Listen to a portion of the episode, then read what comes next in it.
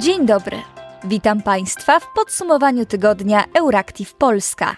Dzisiaj opowiemy między innymi o francuskiej reformie emerytalnej oraz o ogromnej akcji Interpolu. Nazywam się Patrycja Gosk. W wirtualnym studiu jest też Bartosz Sieniawski. Wydawczynią podcastu jest Kinga Wysocka.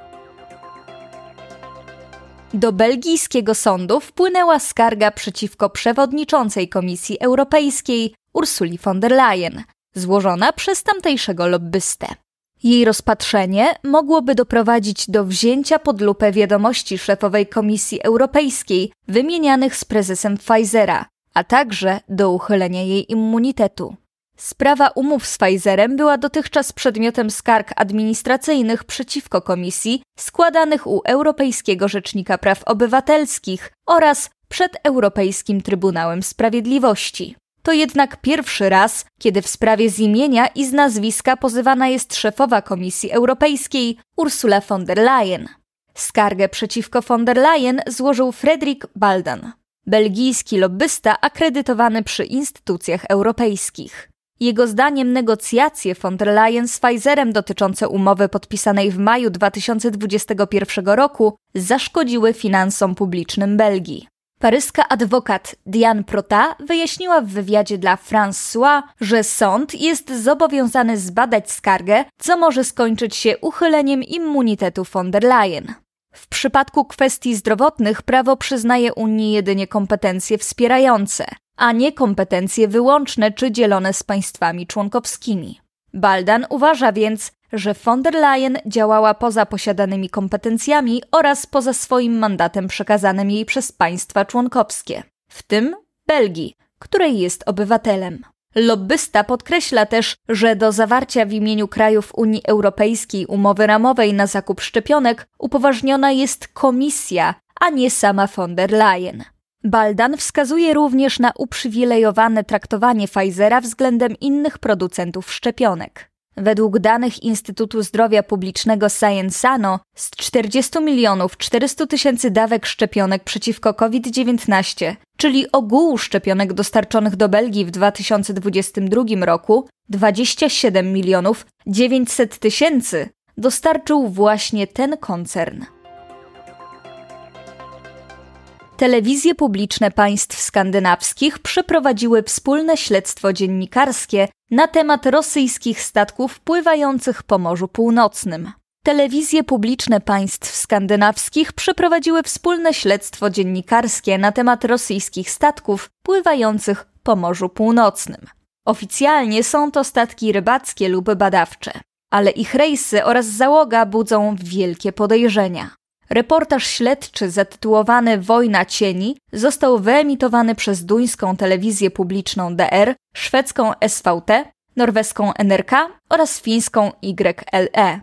Dziennikarze czterech stacji wspólnie badali przez ostatnie miesiące działania rosyjskich statków na Morzu Północnym. Chodzi o jednostki, które formalnie są statkami rybackimi bądź badawczymi.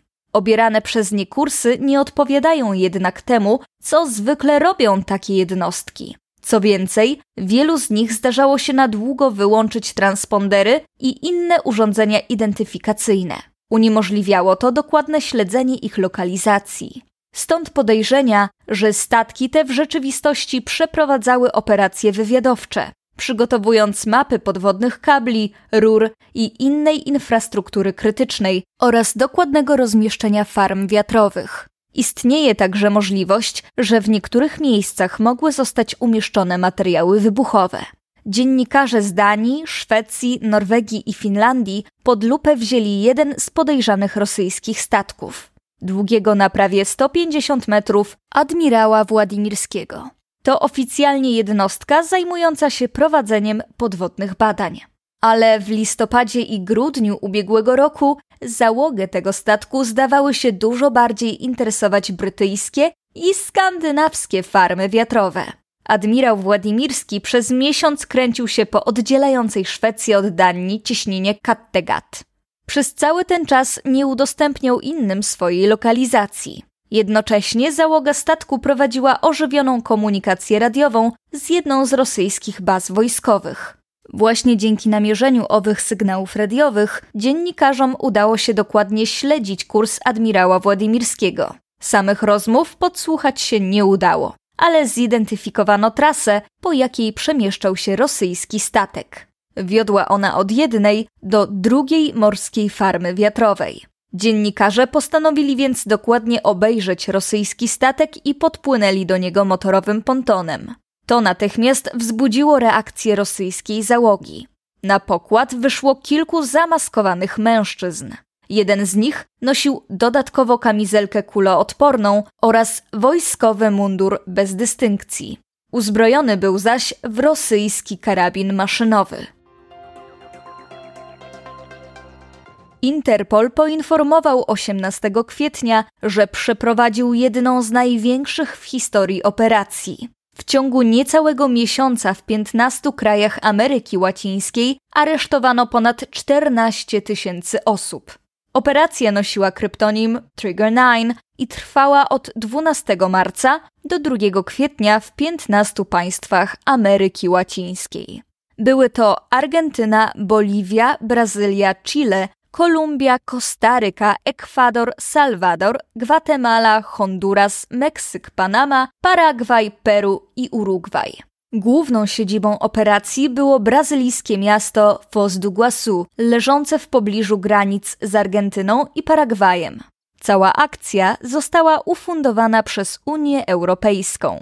Łącznie aresztowano 14 260 osób oraz skonfiskowano 8 263 sztuki nielegalnej broni palnej i 305 tysięcy sztuk amunicji. W samym Urugwaju służby przechwyciły 100 tysięcy sztuk amunicji przemyconej nielegalnie z Europy.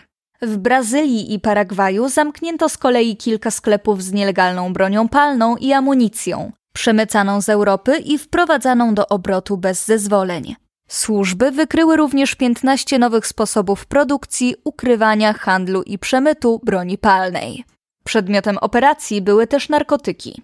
Służby skonfiskowały w sumie 203 tony kokainy i 372 tony surowców potrzebnych do produkcji różnych narkotyków o wartości rynkowej 5 milionów 700 tysięcy dolarów.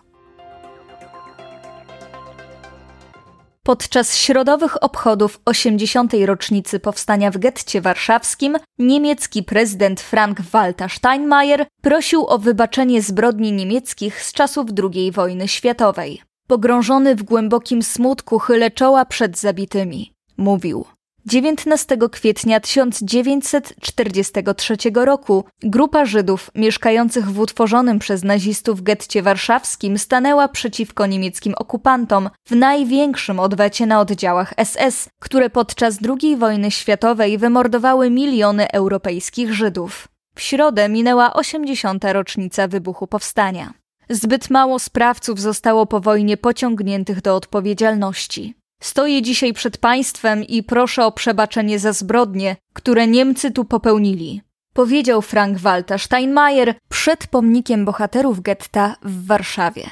Straszliwe zbrodnie, które Niemcy tutaj popełnili, napełniają mnie głębokim wstydem. Jednocześnie wdzięcznością i pokorą napawa mnie fakt, że mogę uczestniczyć w tych obchodach jako pierwsza w historii głowa państwa niemieckiego, dodał.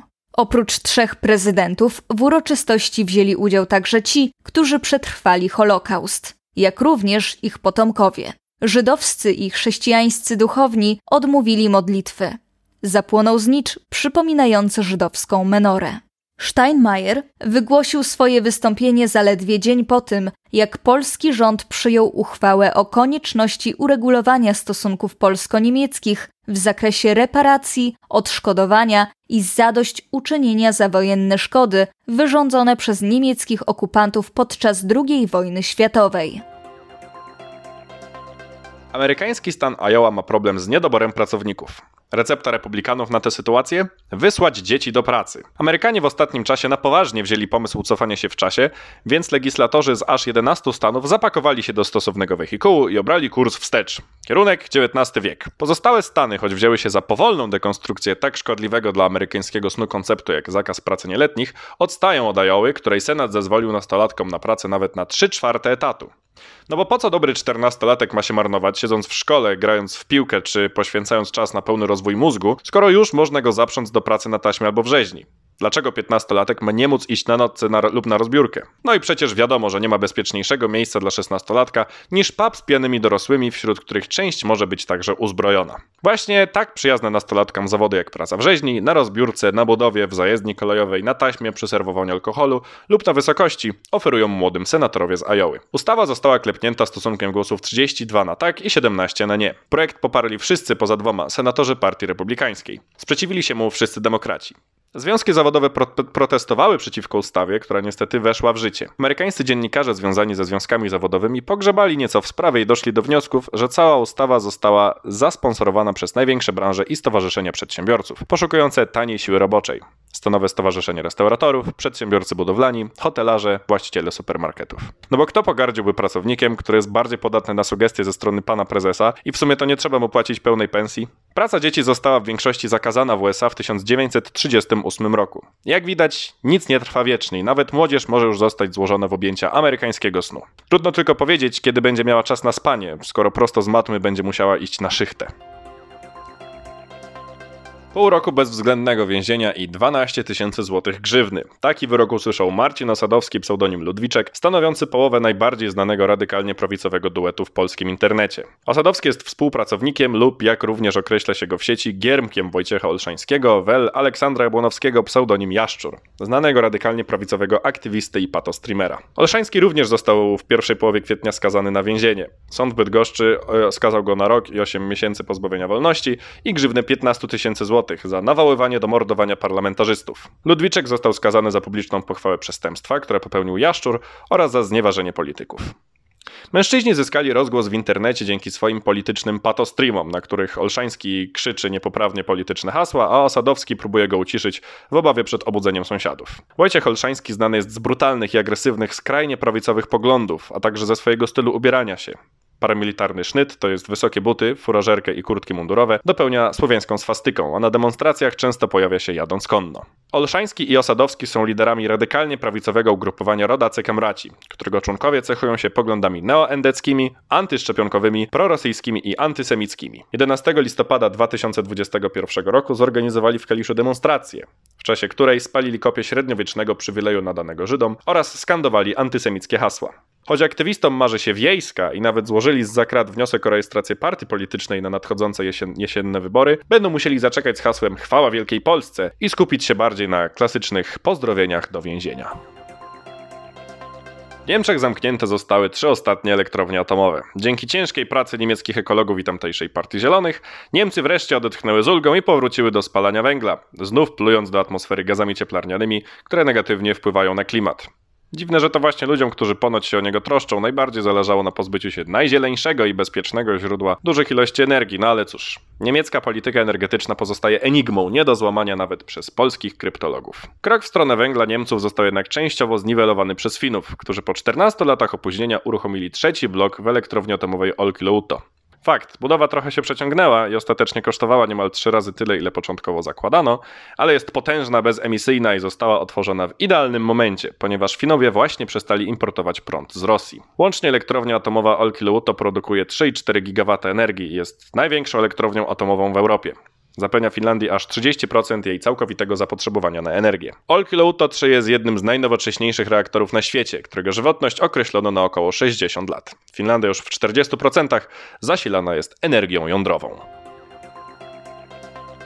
Francuska Rada Konstytucyjna zatwierdziła zgodność z konstytucją kontrowersyjnej reformy emerytalnej, przeciwko której Francuzi protestowali w ostatnich tygodniach. W związku z tym została ona zatwierdzona i szybko podpisana przez prezydenta Emmanuela Macrona.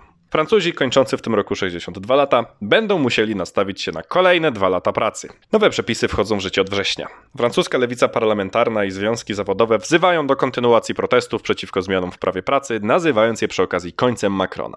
Lewicowcy nadal starają się wymyślić pomysł na odwołanie reformy, przykładowo proponując konsultacje społeczne i ponowne jej przegłosowanie. Zmiany w prawie pracy, przewidujące podwyższenie wieku emerytalnego z 62 do 64 lat, zaproponowane przez liberalny obóz rządzący Francją, są wyjątkowo niepopularne w kraju.